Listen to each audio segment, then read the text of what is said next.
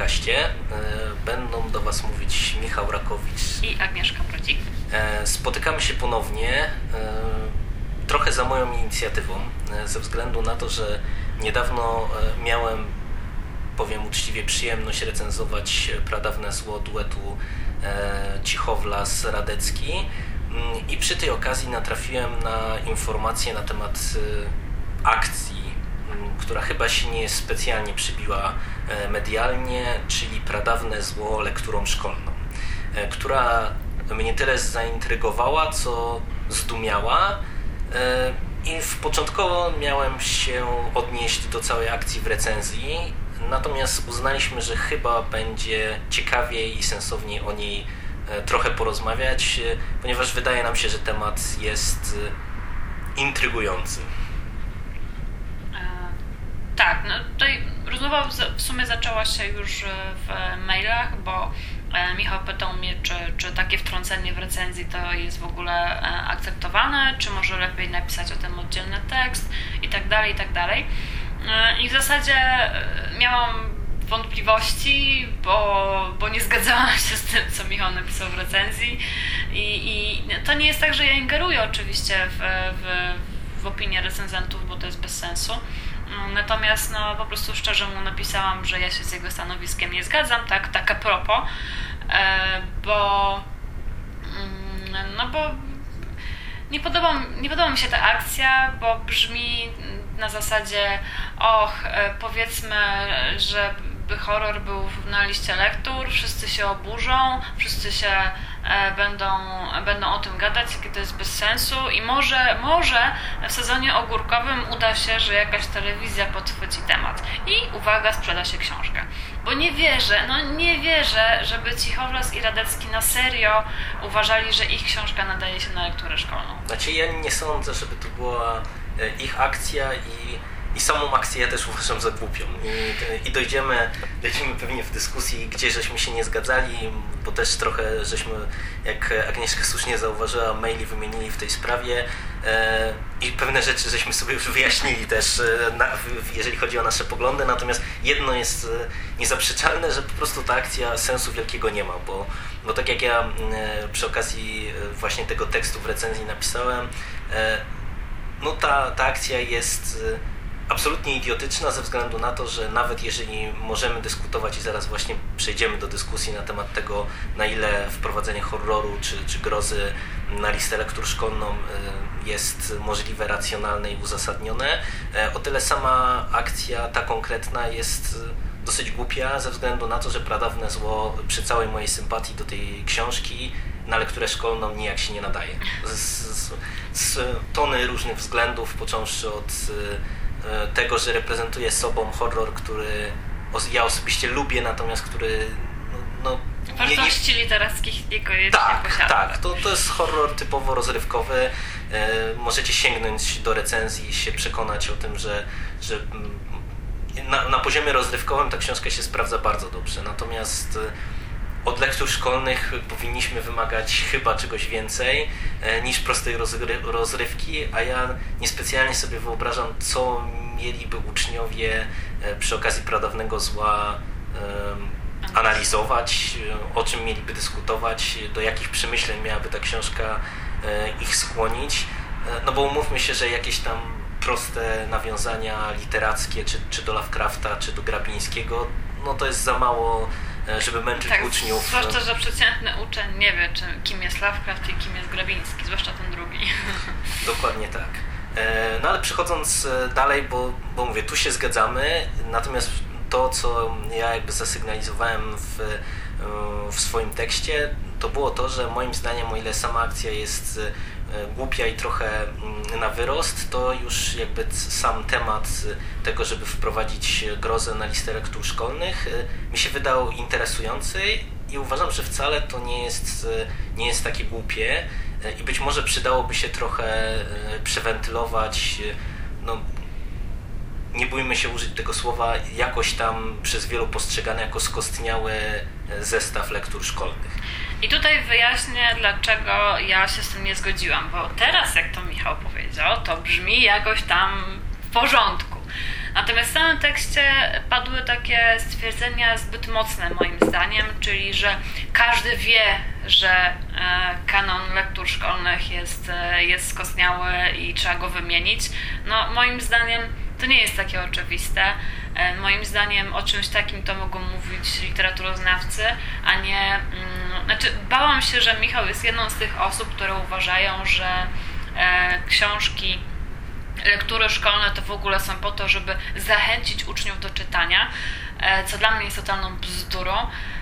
I dlatego takie stwierdzenia, że, które zresztą pojawiały się w samej akcji, że wszyscy wiedzą, że trzeba zmienić Mm, listę lektur szkolnych e, i takie, ale właściwie dlaczego, nie? Dlaczego? No bo nie, nie są, to nie są literaturoznawcy, którzy e, piszą wytłumaczenie, że, że nie wiem, że może za dużo patriotyzmu jest, że może trzeba na przykład wprowadzić e, książki bardziej współczesne, żeby dotykały bardziej współczesnych problemów. Czyli coś, z czym ja bym się na przykład zgodziła, że powinien być na przykład feminizm, że powinien być temat rasizmu, temat e, e, temat tożsamości narodowej na przykład, tylko nie w takim bardzo patriotycznym ujęciu, tylko bardziej szerokim, takim współczesnym. Czyli ja bym się ogólnie zgodziła, że bardziej współczesne rzeczy, bardziej współczesne problemy, które ja na przykład na filologii angielskiej miałam na porządku dziennym i miałam taki straszny dysonans między analizą literaturoznawczą, jaka się dokonuje w liceum. No bo mówimy o liceum, bo powiedzmy sobie szczerze, no gimnazjum, podstawówka to są jednak książki, które się po prostu czyta dla samej treści, a bez jakiegoś tam głębokiego analizowania. I miałam taki właśnie dysonans między tym, co ja robiłam, na, co, co robiłam w liceum, a co robiłam na studiach. I te rzeczy na studiach mi się wydaje, że byłyby bardziej interesujące dla młodzieży, ale to też, to nie jest argument. To, co jest bardziej interesujące, nie jest argumentem. Argumentem jest to, co jest bardziej potrzebne, przydatne i bardziej adekwatne do tego, co się dzieje w dzisiejszej kulturze. I tutaj mogłabym się zgodzić, natomiast wrzucanie no, do tego no, no, po prostu grozy. No, po prostu groza jest dla mnie.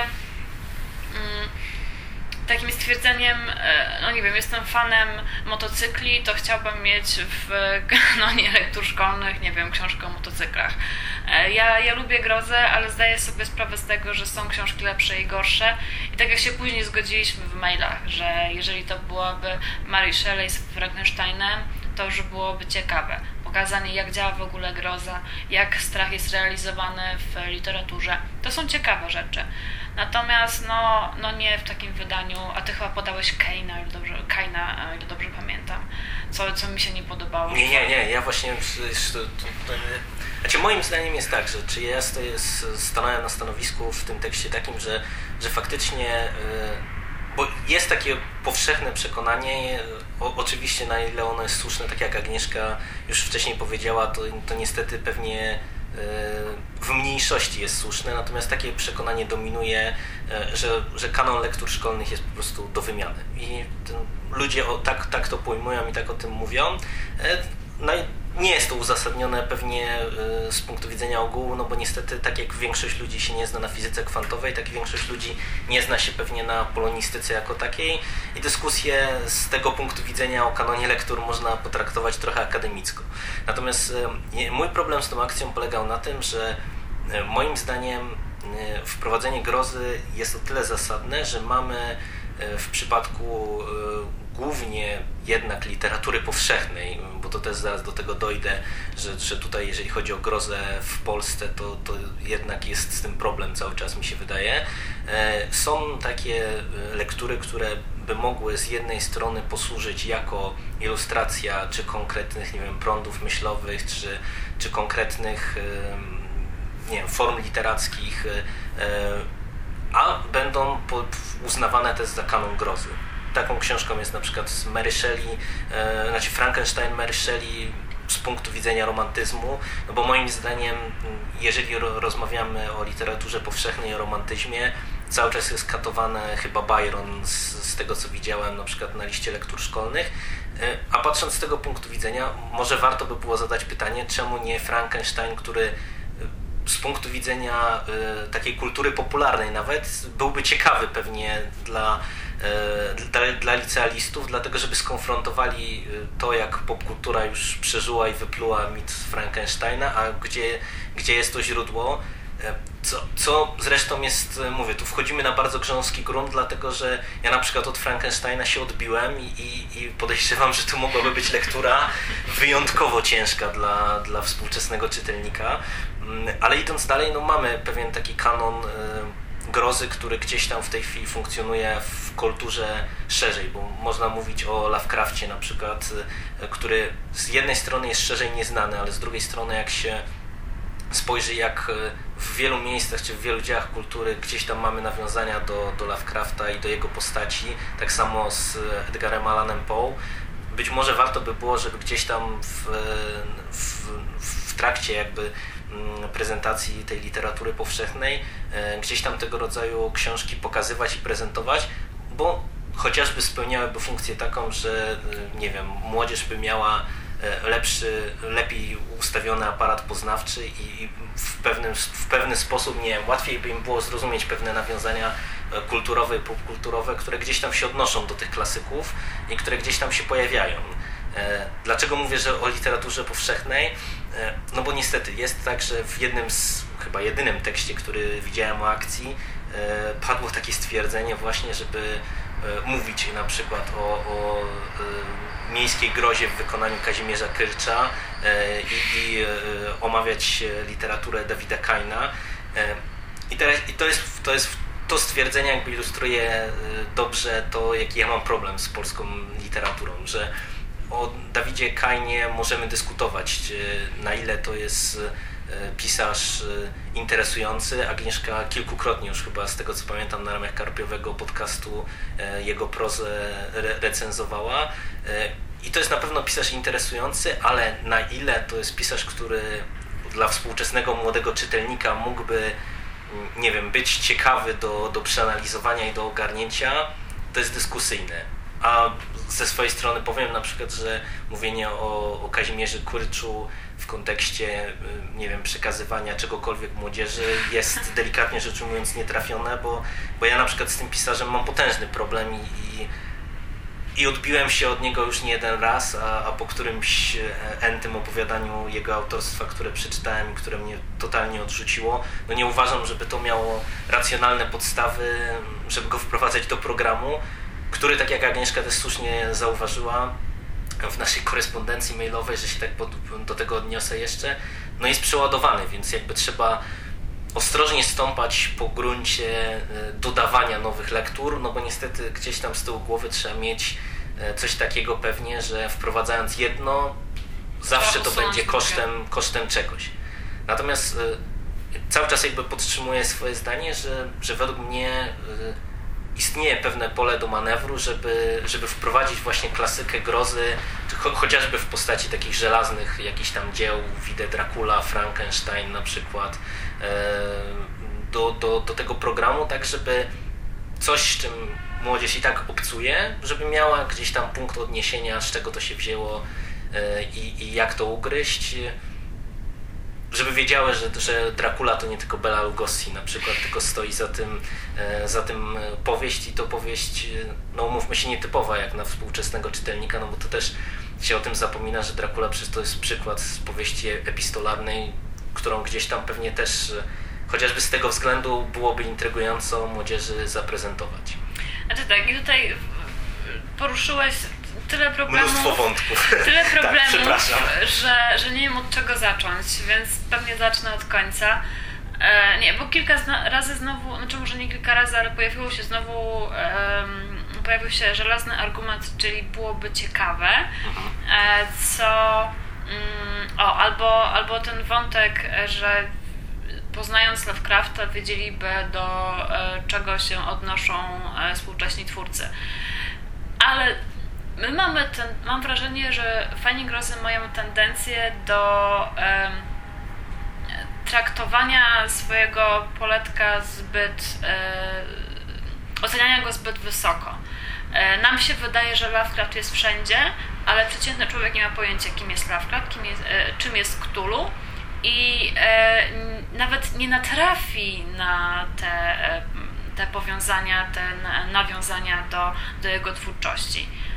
E, więc, więc widzisz, no tu jest problem, a zaraz by się odezwali, wiesz, fani jakiegoś innego pisarza, który też jest bardzo, bardzo znany, chociażby no, no Tolkien, tak, który Zresztą pojawia się wśród lektur uzupełniających z tego co pamiętam, bo na przykład naszym liceum e, czytało się Władcy Pierścieni.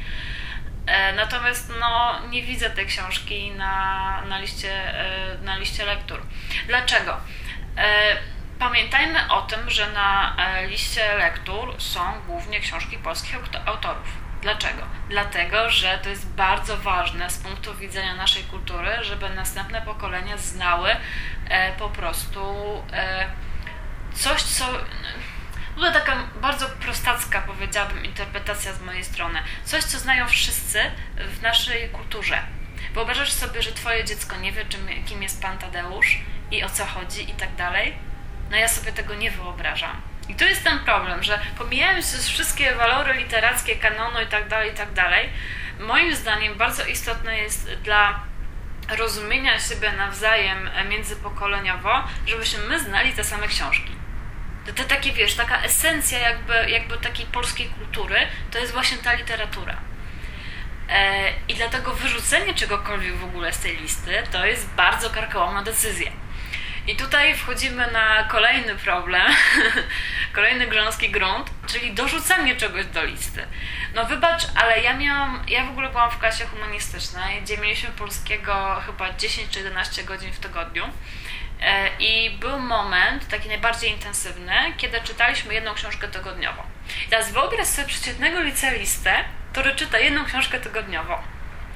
I teraz e, Dodaj sobie do tego częste stwierdzenie w tym w kontekście e, lektur szkolnych, e, żeby zachęcić do czytania. Żeby zachęcić do czytania grozy, to im dorzucimy jeszcze tego Frankensteina, żeby w którymś tygodniu mieli dwie książki do przeczytania. To na pewno im się to spodoba.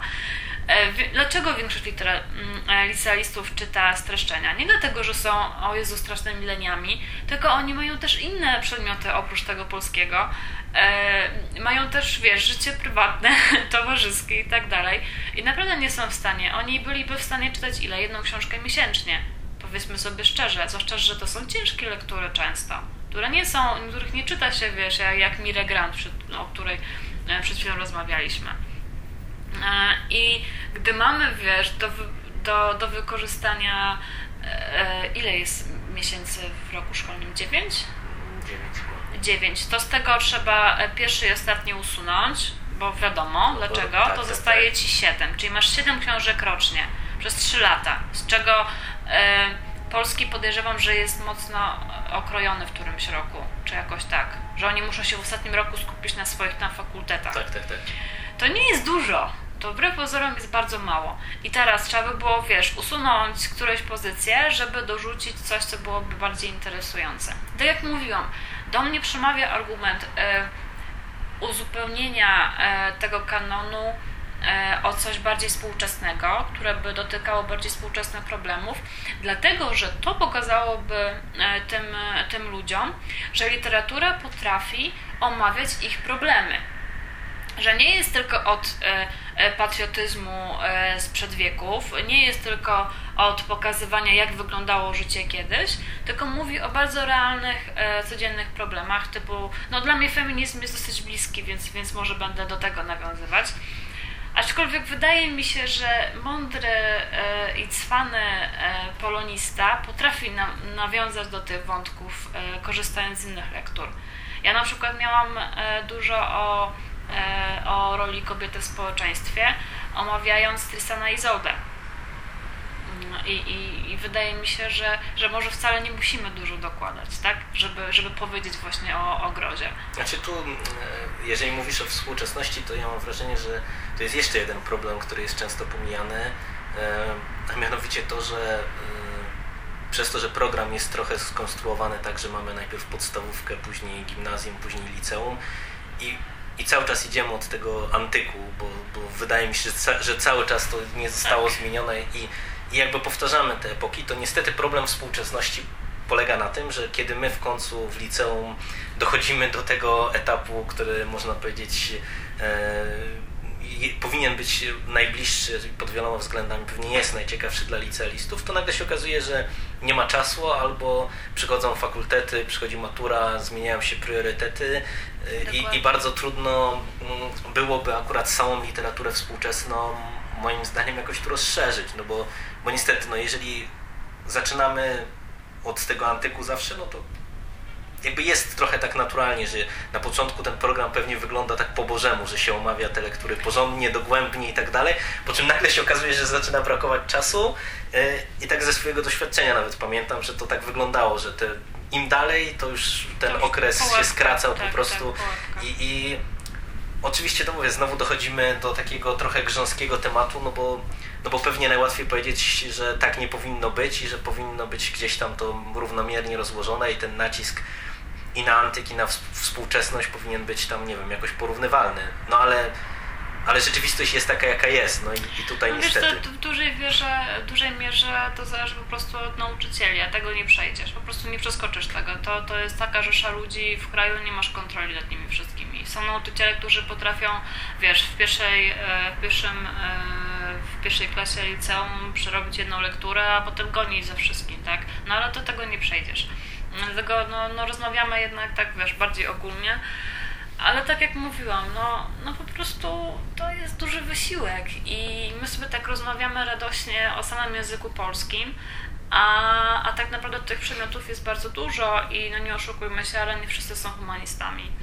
E, I też nie ma sensu zmuszać ich do, do, do tego typu e, do, do tego typu wysiłku, tak? Bo to jest ogromny wysiłek dla takiego licealisty czytać tyle książek, wiesz, no. Dla nas to jest dziwne, bo my sami chcemy czytać, ale jeżeli czytasz coś, co Cię nie interesuje i czytasz coś tylko dlatego, że, że będziesz to omawiać, no to to nie jest, wiesz, super fajna rozrywka i tak naprawdę ile godzin musisz spędzić nad językiem polskim, nad samym czytaniem lektur, a jeszcze, wiesz, jakieś opracowania, a jeszcze cokolwiek innego, E, a ile spędzasz czasu nad nauczeniem się matematyki, fizyki czy czegoś tam innego? No, to są po prostu nieporównywalne w ogóle, e, e, w ogóle ilości.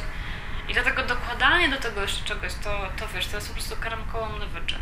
A ludzie, no tak jak wspomniałam na początku, cieszę się, że przynajmniej nie, nie używasz argumentu, o, bo trzeba ich zachęcić do czytania, nie? Bo dla mnie to jest takie E, sprowadzanie w ogóle e, literatury do funkcji czysto rozrywkowej, e, co moim zdaniem no, pokazuje, jak ludzie mają małe pojęcie tak naprawdę o tym, czym jest kanon, do czego on służy i w zasadzie po co my mamy język polski na, w szkole, gdzie moim zdaniem może poczuliby różnicę, gdyby na przykład język polski nazywał się historią literatury. Może wtedy by poczuli, o co właściwie chodzi, a że to nie jest takie radosne, uczmy się czytać. Jedna, jedna rzecz mi jeszcze zawsze przychodzi do głowy, jak e, pojawia się temat e, kanonu. E, I nawet z ciekawości e, próbowałem dojść i wydaje mi się, że chyba tego już e, w tej chwili nie ma, czyli tak zwane lektury e, uzupełniające, które kiedyś funkcjonowały, bo za, zawsze mm, zastanawiałem się, czy tutaj ta, ta funkcja jakby tego to, to, co ty mówisz, takiego zachęcania, to, to, co jest używane jako argument w postaci zachęcenia do czytania, e, e, i tu się zgadzam, że to jest głupi argument i, i, to nie ma, nie ma co specjalnie o tym dyskutować. zachęcanie przez zmuszanie do czytania, nie? Tak, no, czę, często w, w, przypadku różnego rodzaju ustawodawstwa takie jest myślenie, no ale niestety rzeczywistość rzeczywistością. Natomiast e, ja pamiętam, że dla mnie kanon ten lektur uzupełniających było tyle interesujący, że ja nie przypominam sobie, żebym omawiał e, jedną lekturę z tego kanonu, w tym sensie, że on gdzieś tam był, natomiast po prostu z racji na to, że ten lektury obowiązkowo, one są już tak napchane, że, że po prostu nie ma czasu na robienie tych lektur uzupełniających. Gdzieś tam tylko była ta świadomość tego, że, że to istnieje. I, i pytanie, czy nie powinniśmy iść może w tym kierunku, żeby jakieś, e, jakoś ten kanon lektur uzupełniających gdzieś tam sobie funkcjonował właśnie jako e, taki wyznacznik tego, co, y, nie wiem, szumnie to nazwę inteligentny człowiek wypadałoby, żeby przeczytał, czy żeby znał, żeby, y, nie wiem, wiedział, no, coś więcej w kontekście jakby takiej szeroko, szeroko pojętej kultury. Istnieje właśnie coś takiego, nie? Że, że to jest po prostu coś, co, co przeciętny, inteligentny, wykształcony, może nie inteligentny, tylko wykształcony człowiek powinien znać. Tak działa kanon. Rozumiem ten argument z listą lektur e, uzupełniających, tylko tak, no złapałeś mnie trochę na niewiedzę, bo ja nie wiem, jak to teraz jest. Ja to się mogło znaczy, 100 razy zmienić, znaczy, nie? Ja w tej chwili, jak próbowałem znaleźć, to powiem szczerze, że internet mi nie odpowiedział, czy coś takiego jak kanał lektur uzupełniających jeszcze jest, ponieważ w liceum to tylko znalazłem informację taką, że jest ten kanon lektur obowiązkowych i jest później rozszerzony polski jakby do matury. Natomiast y, no to, to jakby mi nie wynikało tego jednoznacznie, czy to jest tak, że, że po prostu ten kanon lektur jest, bo też jest takie jakoś dziwnie w tej chwili z tego, co widziałem, że na przykład e, wybierz jedną książkę spośród na przykład z fantastyki, masz wymienionych siedmiu autorów i że na przykład przy rozszerzonym polskim coś z tego trzeba sobie wybrać, a, a co zostanie wybrane to już zależy od polonisty na przykład, Ale to jest kto, który to robi. świetna rzecz moim zdaniem. Dlaczego? Dlatego, że e, masz, no, wyobraź sobie, że masz tam pozycję groza. I masz kilka, wiesz, książek, takich, no nie wiem, tam Dracula, Frankenstein, no nie wiem, co tam jeszcze, nie chcę mi się myśleć teraz. E, I co? I wybierasz sobie takiego Frankensteina i dokonujesz analizy, bo to wiesz, zależy też od polonisty, e, co on właściwie chce przekazać. Ale no, daje takiego Frankensteina i pokazuje, słuchajcie, tak i tak działa groza, po to mamy grozę w literaturze, takie są, wiesz, e, tu główne motywy można omówić, tu można omówić, jak w ogóle działa ta literatura. Można na przykład powiedzieć, e, nie wiem, ja bym tam sporo siedziałam w definicjach horroru i tak dalej i w ogóle po co nam to jest potrzebne. Mm, można, wiesz, dać różnicę między strachem i lękiem. Można dać w ogóle, wiesz, no milion rzeczy na podstawie tej jednej lektury tak naprawdę. Przy czym można też nawet wspomnieć i o feminizmie przy, tej, e, przy Frankensteinie, e, czy o science fiction przecież można jeszcze też dużo powiedzieć. Dlaczego ludzie się bali, no, no tutaj, no nie klonowanie, no, albo na przykład. stworzenia w zasadzie no, Tak, dlaczego ludzie się tego bali? Dlaczego ludzie się bali technologii, tak? Dlatego, że, no właśnie, a dlaczego ludzie się teraz boją klonowania? Z tego samego powodu. I widzisz, jest po prostu szereg rzeczy, które można powiedzieć i można w zasadzie tydzień omawiać tę książkę. Tylko pytanie, czy jest czas? Natomiast ja mam inne doświadczenie niż ty, bo ja miałam e, lektury uzupełniające. Ja omawiałam, no mówiłam, mi się bardzo dużo języka polskiego, przy tym mi się bardzo ambitnego polonistę, doktora swoją drogą Jerzego Szejek, który tam nawet jest znany w tym świadku, bo on e, w ogóle mieliśmy RPG nawet jeszcze na, na godzinie wychowawczej, więc mieliśmy takiego postępowego powiedzmy nauczyciela. I miałem, pamiętam, że czytałam Solaris, mieliśmy Sapkowskiego w ogóle opowiadania. Nie dam, nie pamiętam, Władcy Pierścieni, bo ja się przeniosłam, to oni mieli Władcę Pierścieni, jak ja byłam jeszcze w innej klasie, ale mieli. Pamiętam, że omawiali Władcę Pierścieni. Nie powiem Ci już teraz, co jeszcze, ale w każdym razie to był po prostu szereg e, lektur dodatkowych, które, które też omawialiśmy i, i to jak najfajniej, moim zdaniem bardzo fajnie funkcjonowało.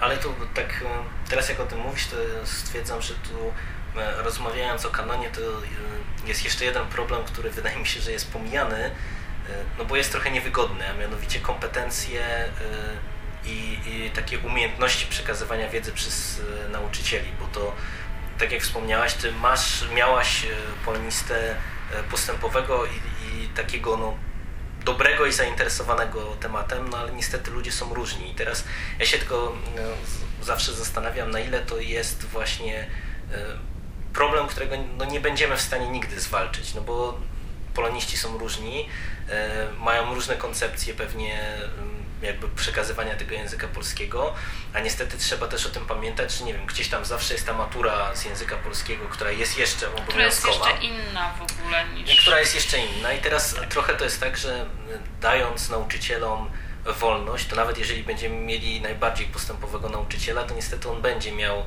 e, związane ręce trochę tym, co i tak musi jakby tak. wtłoczyć jakby w głowę uczniów, to jest raz.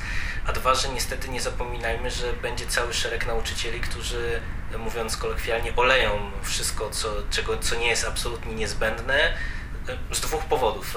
Czasem ze swojej wygody i ze swojego niechciejstwa, a czasem uznając też, że to jest tak naprawdę dla, dla uczniów najlepszy, no bo oni pewne rzeczy muszą się nauczyć, więc po co im zaprzątać głowę duperelami, e, skoro jakby lepiej się skupić i dogłębnie zrobić te rzeczy, które będą niezbędne do na przykład zdania tak, dobrze matury. Tak, że no, ja też nie lubię zwalania wszystkiego na nauczycieli, bo oni naprawdę mają ciężką pracę.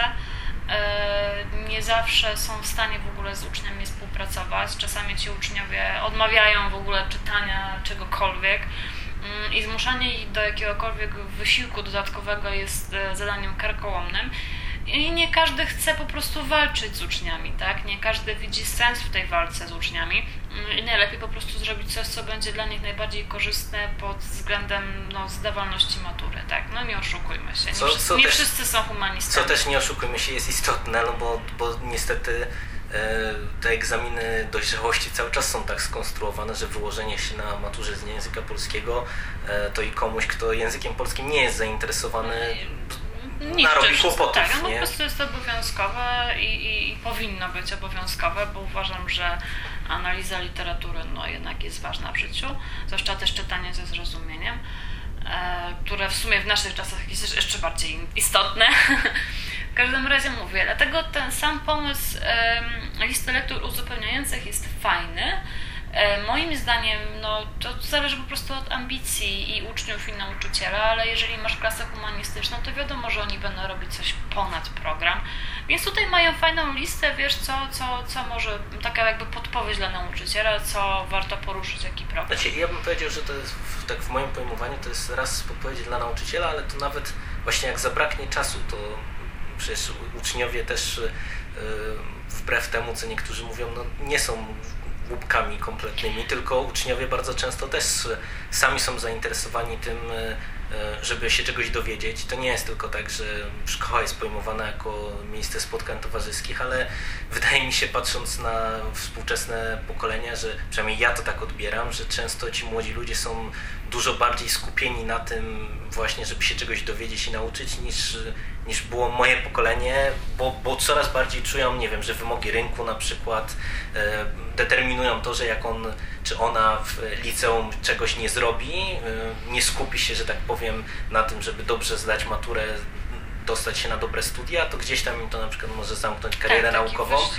już na tym Gdzie po prostu no za moich czasów, że tak powiem, jak stary człowiek, było jeszcze tak, że ja wybierając studia, to nie za bardzo wiedziałem, co na tych studiach się robi, e, a liceum to w zasadzie mogę powiedzieć, że jakbym przybimbał całe, to i tak by się nic nie, specjalnie nie stało, bo jeszcze były egzaminy na studia, e, egzaminy matury, tam znaczy wyniki matury liczyły się tyle o ile. E, natomiast właśnie też ze względu na to, że, że ta młodzież jest taka chyba trochę bardziej świadoma, mam wrażenie w tej chwili, teraz to to czasem taki, mm, taki, taki kanon lektur uzupełniających nawet gdzieś tam dla nich byłby wyznacznikiem właśnie, że jeżeli mają, będą chcieli na przykład, e, będą mieli czas i możliwości, warto się na przykład z tym zapoznać z określonych względów, a wiedza nabyta mm, na przykład na, na analizie e, tych takich lektur podstawowych, które i tak będą musieli zrobić, gdzieś tam się na pewno przełoży na to, że nie wiem, że wyciągną sami coś z tego kanonu lektur uzupełniających. E, tak, i, i przy tym też to e, na pewno w jakiś sposób e, mobilizuje twórców podręczników, tak? które jednak są, są podręczniki takie bardzo podstawowe, a my na przykład mieliśmy podręcznik, który był taki dosyć, powiem Ci, innowacyjny, już nie pamiętam tytułu, i tam były poruszane takie bardziej współczesne też problemy, zwłaszcza tam właśnie był Sapkowski ujęty, tam był chyba Solaris też ujęty, E, I jeżeli to będzie w podręcznikach, to już jest też większa szansa, że ktoś się tym zainteresuje. To zresztą w ogóle mm, wspiera analizę tych e, utworów, powiedzmy sobie szczerze. A inna sprawa, że no, kanon też działa tak, zwłaszcza w naszej postmodernistycznej kulturze, że kanon się cały czas przerabia. E, czyli jeżeli, jeżeli trafiłaby Mary Shelley z Frankensteinem na, do kanonu, to jeszcze więcej by na, na jej temat się mówiło, tworzyło. E, i tak dalej, nie? Co też byłoby bardzo, bardzo pozytywne. Dlatego no, trzeba wybierać e, naprawdę, jak człowiek już pójdzie, bo ja wiem, że ty nie kończyłeś studiów humanistycznych, nie, nie, ale jak człowiek już pójdzie na studia humanistyczne, e, znaczy no dobra, filologię, przesadziłam, na politologii nie omawiają książek, mm, jeżeli pójdziesz sobie na taką filologię i nagle zobaczysz, wiesz, ile jest książek, które miały duży wkład w, w historię literatury, to nagle się okazuje, że stworzenie w ogóle kanonu, gdzie masz, nie wiem, 20, 30, 40 nawet pozycji, gdzie masz, wiesz, do wyboru setki, to okazuje się bardzo trudne. I wszyscy nasi, e, nasi wykładowcy narzekali, że, że, że oni, o, bo mamy okrojone godziny i ta lista powinna być dwa, trzy razy dłuższa, a i tak omawialiśmy na każdych zajęciach nawet po dwa utwory, nie? E, także to zawsze jest ten problem. No ja rozumiem, że, że, e, że zawsze tak jest, że chciałoby się powiedzieć więcej, nauczyć więcej i tak dalej, ale też uważam, że tych lektur nie powinno być za dużo, żeby uczniowie w ogóle mieli szansę je poznać, że mieli szansę je przeczytać, że mieli szansę mm, je omówić sensownie, e, a nie tylko treść i, i do widzenia z bryka coś tam przeczytać i zapomnieć. No, a poza tym jest jeszcze pewnie element e, dodatkowy, dlaczego taki temat e, wprowadzania grozy do kanonu lektur moim zdaniem jest mocno grząski. To jest coś, o czym nie wolno zapominać, że, że groza nie dla każdego jest atrakcyjna. I to rozumiana nie dlatego, że nie każdego interesuje, ale e, w, no, z punktu widzenia nas, fanów grozy, może to wydać, wydawać się dziwne, ale, ale przecież e, nie zapominajmy o tym, że dla części ludzi e, czytanie horroru czy oglądanie horroru to jest swego idiotyzm. rodzaju trauma, idiotyzm, e, czy, czy to może towarzyszyć temu cały szereg różnych negatywnych innych uczuć. I to też jest pod tym kątem właśnie bardzo mocno dyskusyjne, na ile to robić, nie? Bo teraz jeszcze, szczególnie jeżeli weźmiemy na przykład sobie e, literaturę grozy współczesną, no to ta jakość literatury grozy współcześnie no, jest różna. Jest zalew z jednej strony grozy tak, takiej prostej. No, ale pamiętaj o tym, że mówimy o literaturze popularnej, ale jednak no, są tak. książki, tak. które nie należą do, do literatury popularnej, które są grozą. No, no ten nieśmiertelny w naszej dyskusji dzisiaj Frankenstein. E, natomiast to, co powiedziałeś, że, że, że, że trauma. E, no nie wyobrażam sobie, żeby przeciętny licealista czytający Frankensteina czuł jakąkolwiek traumę. Nawet podejrzewam, że powie, że tam nie ma w ogóle żadnej grozy. Mm, natomiast e, natomiast to, co, co się wtrąciłam, że idiotyczne, bo powiem Ci szczerze, że dużo filologów, zwłaszcza z polonistyki, e, a nie z, z, z anglosaskiej kultury, tak jak my mieliśmy na filologii angielskiej, mm, oni uważają, że jest po prostu no, bez sensu, szkoda czasu. że szkoda czasu, że, że w ogóle po co się tym zajmować. Ile ja nie słyszałam od znajomych, że oni chcieli pisać jakąś tam pracę licencjacką czy magisterską na temat e, polskiej grozy, e, to słyszeli, że w ogóle po co? Że przecież to, to w ogóle jest głupie. Znaczy, no może nie używają takich sformułowań, wiadomo, że muszą to powiedzieć bardzo ładnie i, i okrągłymi tam zdaniami. E, natomiast no, jest takie przeświadczenie, że to jest po prostu, nie ma sensu się tym zajmować. I z tego, co słyszałam, ja nie, ja nie byłam, nie jestem polonistką, nie byłam na polonistyce. Na przykład słyszałam od wielu znajomych, że w ogóle literatura współczesna jest bardzo pomijana i spędza się rok na romantyzmie, zamiast się w ogóle zająć współczesnymi problemami i, i, i zająć się tym, co literatura teraz e, nam przekazuje i pokazuje i, i, i analizie rzeczy, które są bardziej jakby związane z naszym życiem, a nie po prostu z historią. Czyli jak ja miałam na angielskiej wiadomo historię literatury, to miałam powiedzmy tam, chyba był jeden przedmiot historii literatury, tam powiedzmy jakiś powiązany z tym, e, natomiast większość zajęć, zwłaszcza już na specjalizacji literaturoznawczej, to była literatura współczesna, to był feminizm, to był, to był rasizm, to była tożsamość narodowa, która no w kulturze anglosaskiej jest e, dosyć mocno podkreślana, ale która w ogóle dla współczesnego świata jest istotna. I w ogóle to są rzeczy, których ja w liceum nawet nie liznęłam, nie? które w ogóle były e, pomijane, nieistotne. I wydaje mi się, że właśnie jakby e, pokazać uczniom, że literatura może się zajmować ich problemami, to, to może wtedy by nauczyli się, że w ogóle literatura się da czytać inaczej niż tylko fabułę, tak? Że w ogóle można coś z niej wynieść. E, natomiast no to trochę odchodzi w zasadzie już od, od tematu, tak. czy wprowadzić grozę, nie? Mm, groza dla mnie jest fascynującym tematem i nigdy się nie zgodzę ze stwierdzeniem, że tam nie ma co analizować, bo są w ogóle ja miałam się zajmować na doktoracie e, gotycyzmem, tak? I, I to jest po prostu fascynujący temat. Tam jest tyle do powiedzenia, tyle do pokazania, tyle do pokazania w czymś, co już było e, stworzone dawno temu i w tym, co współcześnie. I, i ja to jeszcze łączyłam z teorią e, e, postkolonializmu i to są mega fascynujące rzeczy. I pokazanie tego licealistom wydaje mi się, że byłoby bardzo, bardzo ciekawe. Pokazałoby im no, no to, co mówiłam wcześniej, tak, że, że literatura może mieć jakąś funkcję inną niż tylko patriotyzm. E, natomiast dlatego to chciałam podkreślić, że ja chociaż tutaj w sumie w większości dyskusji mówiłam, że nie, że, że ten kanon jednak jest ważniejszy tam, co już jest, że nie ma co dodawać i tak dalej, to nigdy się nie zgadza ze stwierdzeniem, że groza nie jest ciekawa, że groza nie jest, znaczy ciekawa, znowu znowu to słowo, że groza nie jest ciekawa dla literaturoznawcy, to może to podkreślę. Bo ja uważam siebie tak w tej dyskusji za literaturoznawcę i ja mówię z całym przekonaniem, że groza jest interesująca, może być interesująca i mnóstwo ludzi u mnie na studiach e, e, się nią zajmowało. Ale to mam wrażenie, że jeszcze teraz e, dotknęłaś jeszcze kolejnego problemu, a mianowicie w ogóle postrzegania grozy jako takiej, bo, bo wydaje mi się, że to, to co powiedziałeś, że wiele osób postrzega grozę jako niewartą e, analizowania, czy, czy niewartą uwagi.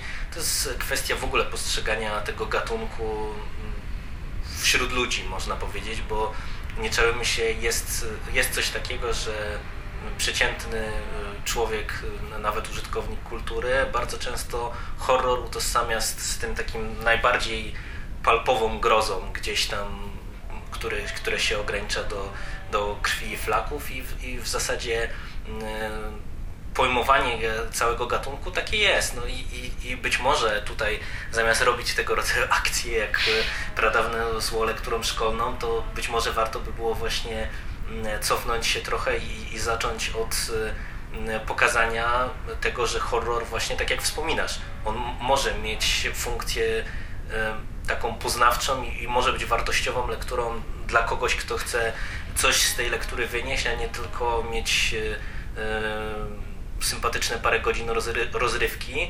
E, przy czym też, no, umówmy się, to nie jest nic złego, jeżeli litera, dobra literatura rozrywkowa to też jest wartość jakaś tam sama w sobie. Natomiast warto by było pewnie podkreślać, że, że horror to niekoniecznie zawsze właśnie musi być tylko ta prosta literatura, literatura rozrywkowa, tylko też czytelnik może z niej coś wynieść, coś skłonić go do jakichś przemyśleń, może opowiedzieć o współczesnych problemach, czy, czy odnieść się do jakichś e, aktualnych kwestii.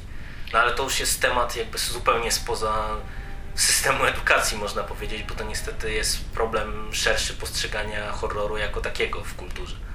Znaczy, dlaczego, y, dlaczego odrębny? No, edukacja w tym, y, w tym kontekście jest bardzo istotna. Jeżeli pokażemy ludziom, że, że horror może być na, na, na zajęciach języka polskiego, może być na studiach, może być analizowany przez studentów, którzy nie będą, wiesz, się uśmiechać pod nosem, tylko będą poważnie rozmawiać na te e, czasami naprawdę dość istotne e, tematy, e, no to może wtedy przestanie mm, być traktowana tak po macoszemu. Ale z drugiej strony to, co powiedziałeś o tej akcji, no mi się wydaje, że właśnie ta akcja podkupuje to, to wszystko, o czym my mówimy, bo jeżeli, on, jeżeli ktoś na serio mm, robi akcję typu e, wprowadźmy tę, tę prostą rozrywkę, jaką jest horror do kanonu lektur szkolnych, no to, to jak można, może ktoś z zewnątrz nas traktować poważnie? Gdyby ta akcja brzmiała wprowadźmy, no znowu, Frankensteina, Frankensteina Mary Shelley do kanonu lektur, dlatego i dlatego i dlatego, wiesz, jakiś konkretny sensowne powody, a nie stwierdzenie, o, groza miejska ukurcza, bo się dzieje w mieście, e, to, to może wtedy by to było potraktowane jakoś tam, wiesz, poważnie, a nie jakaś tam książeczka, która, który, wiesz, większość w ogóle nie kojarzy w ogóle o co chodzi, Cichowla, z kim on jest. E, I, i, I w ogóle została wydana, wiesz, tam dwa miesiące, trzy miesiące wcześniej, gdzie nie zdążyła w ogóle osiągnąć jakiegokolwiek statusu kultowego, czy, czy w ogóle w historii się zapisać. Nie, no to akcja, I nagle, i nagle wiesz, coś Nie, takiego. akcja pod tym kątem, to mówię, to, to, to w ogóle jest bezdyskusyjne. No jest, to, to był chybiony pomysł, głupi pomysł i ja mam tylko cichą nadzieję, że właśnie nie stali za nią autorzy, e, tylko ktoś po prostu niezależnie wpadł na, na po prostu dość głupi pomysł, e, Oj, czy to marketingowy, czy, czy, czy, czy inny. To jest na stówę e, po prostu marketing, e, nie wiem, może, może replika, bo to chyba replika wydała tę powiedzi, może replika na coś takiego wpadła, nie wiem, może Ingo. w każdym razie to jest no, na 100% marketing i tylko psuje tak naprawdę nam PR. Nam jako fanom, miłośnikom grozy. Znaczy, mnie o tyle zastanawia jeszcze ta akcja, żeby tak już zmierzać ku końcowi pewnie, że ja do końca y, nie mam przekonania, czy, czy to w ogóle wypaliło nawet z punktu widzenia osób, które ją wymyśliły, bo, bo ja na nią trafiłem zupełnym przypadkiem, a ja jestem człowiekiem, który się jakoś tam interesuje mimo wszystko grozą i gdzieś tam śledzę to, co się dzieje y, niby w tym środowisku, y, więc no, jeżeli ja trafiłem na to przypadkiem, no to w ogóle robienie akcji, która ma szumne hasła na sztandarach, a która się nijak nie przybija nawet w tymże środowisku, wydaje mi się, że to podkopuje już po prostu resztkę, resztki sensu tego rodzaju przedsięwzięcia. No i tak jak mówisz, no przede wszystkim to jest akcja z rodzaju tych, które no, przez taki jakiś zły PR, tak na dobrą sprawę, podkopują coś, co pewnie wielu ludzi e, buduje u, u podstaw, no bo, bo nie czarmy się, że też są próby jakiejś, czy to nobilitacji horroru, czy, No czy tak, no, nobilitacji przecież, grozy, a- od a- lat się to dzieje. A jak e,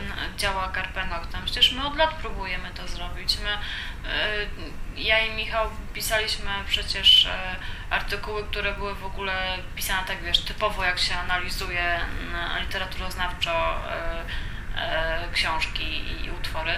E, I, I staramy się od lat promować e, właśnie taki nawet sama nazwa Carpe Noctem to już, już pokazuje o co nam chodzi, tak? Że chcemy promować e, literaturę grozy jako mm, coś wartościowego, a nie tylko właśnie, ja nie chcę używać takich stwierdzeń, bo ja wcale nie uważam, że jak coś ma tylko krew i flaki, to jest, to jest słabe, bo są książki, które e, są dobrą po prostu rozrywką i nie udają niczego więcej i są ok. I, i ja nie mam absolutnie nic, nic złego na, na ich temat do powiedzenia. Sama takie czytam, e, czytałam nie raz, nie dwa, nie trzy.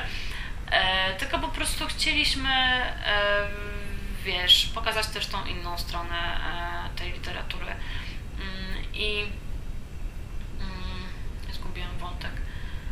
E, I naprawdę zgubiłam wątek. Nie, I, I myślę, że taka praca u podstaw e, pewnie z, każde, z punktu widzenia każdego fana e, grozy i, i to dobrej grozy e, pewnie powinna być tym, czy, co, w jakim kierunku powinniśmy iść.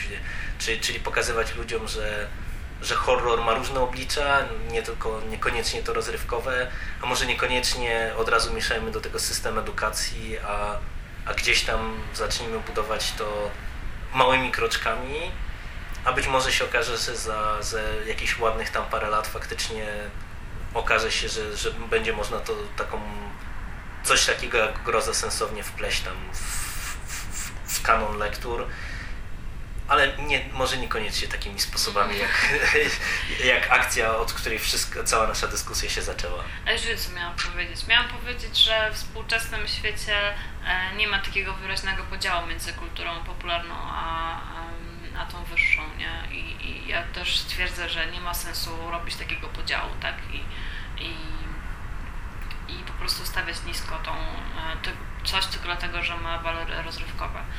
E, Natomiast e, tak, praca u podstaw, tak, pozytywizm, zgadzam się z tym, zwłaszcza, że to będzie miało bardzo bezpośrednie przełożenie na to, co będzie wydawane w Polsce, tak, jeżeli zobacz, co jest teraz wydawane z polskiej grozy, no, pomijając Orbitowskiego, to jednak większość to są takie właśnie coś, co nie kryje e, w żaden sposób tego, że jest literaturą klasy B, tak, to nawet już nie jest kwestia tego, że to jest rozrywkowy horror, tylko to już jest nawet coś, co z samej definicji jest no po prostu literaturą niskich lotów, którą po prostu niektórzy lubią, owszem, ale ja bym chciała, żeby jednak był wybór, tak, żeby była też ta powiedzmy bardziej wymagająca wymagająca groza. Zaczynamy wchodzić na, na kolejną dyskusję, czyli tego właśnie, co się w Polsce wydaje i co się sprzedaje, bo, Ale to bo niestety... bezpośrednie przełożenie na to, znaczy to odzwierciedla to, co się myśli o grozie, tak? No.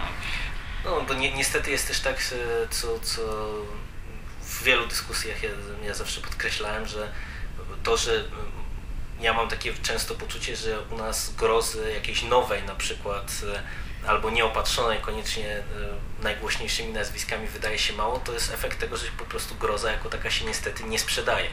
Tak. E, I po prostu jest trochę tak, że e, niedawno w zupełnie innym podcaście właśnie użyłem sformułowania, że u nas się sprzedaje Kinki Masterton i możemy nad tym ubolewać, że tak jest, no ale niestety tak chyba jest. I być może właśnie tutaj ta praca u podstaw też pod tym kątem właśnie, tak jak mówisz, jest ważna, że, że jeżeli gdzieś tam małymi kroczkami będziemy próbować, no to za parę lat doczekamy się ciekawych twórców e, i zagranicznych, i polskich e, wydawanych, nie tylko właśnie te takie najgłośniejsze nazwiska, E, które wiadomo, że zapewnią wydawnictwu zysk, no bo umówmy się, no, wydawnictwo to jest przedsiębiorstwo jak każde inne i nikt charytatywnie czy dla własnej satysfakcji nie będzie wydawał no, no, e, powieści tylko dlatego, że jemu się podoba. Bo... Sama jestem częścią tego rynku, e, tak, więc, więc absolutnie wiem o co chodzi. Tak. Też wolę mieć więcej zamówień niż mniej. No dobrze, to myślę, że tą pracą postaw chyba zakończymy tą dyskusję. Tak, bo tym znowu, znowu, akcentem. Tak, bo znowu wejdziemy, wiesz, na jakiś kolejny e, temat rzeka i nie skończymy dzisiaj. Także no, dziękujemy i do usłyszenia. Dziękujemy, do usłyszenia.